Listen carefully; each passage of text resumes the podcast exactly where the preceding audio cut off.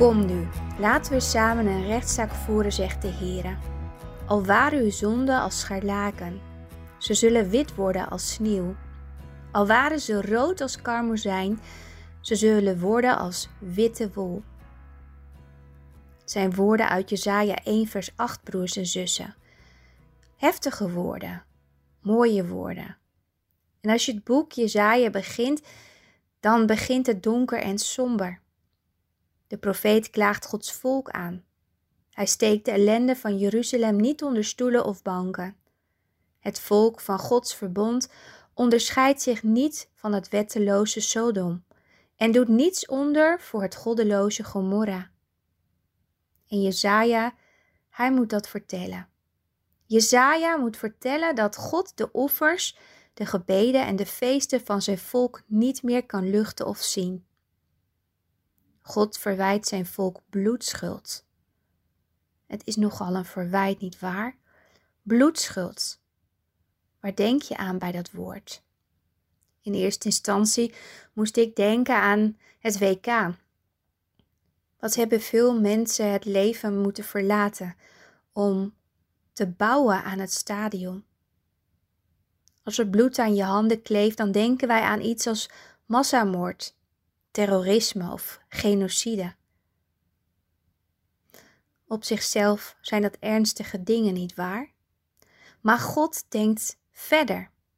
God denkt over het woord bloedschuld aan mensen die zijn wet niet houden, zijn wil niet doen, zijn eer niet zoeken. En dan komen deze woorden uit Jezaja en eens heel dichtbij. Want als we eerlijk zijn, dan kunnen wij mensen dat niet. In het Nieuwe Testament lees je daarover in Romeinen 3, vers 9 tot en met 18. En daarom, broers en zussen, moeten ook wij voor Gods rechtbank verschijnen. En wat kunnen wij aanvoeren ter verdediging? Hoe kunnen wij ons vrijpleiten?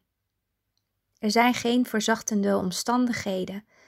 Ook onze zonden zijn donkerrood als scharlaken en dieprood als karmozijn. Bij uitstek kleuren die lijken op bloed. Kleuren van bloedschuld. En zo, zo staan ook wij schuldig voor God. Gelukkig, broers en zussen, is dat niet het einde van het verhaal. Want God is God vanwege zijn liefde, genade en trouw. Hij roept zijn volk tot de rechtspraak en geeft zijn volk de vrijspraak. En wij mogen horen bij dat grote volk. Ook onze felrode zonde maakt hij wit als sneeuw, als witte wol. Het rood staat tegenover het wit, want wit is de kleur van reinheid, heiligheid, zuiverheid en puurheid. God maakt jou en mij rein, heilig, zuiver en puur. Hoe heerlijk is dat om dat te weten, om je daaraan vast te houden. Het Lam God, dat de zonde van de wereld heeft gedragen, heeft ook jou vrijgesproken.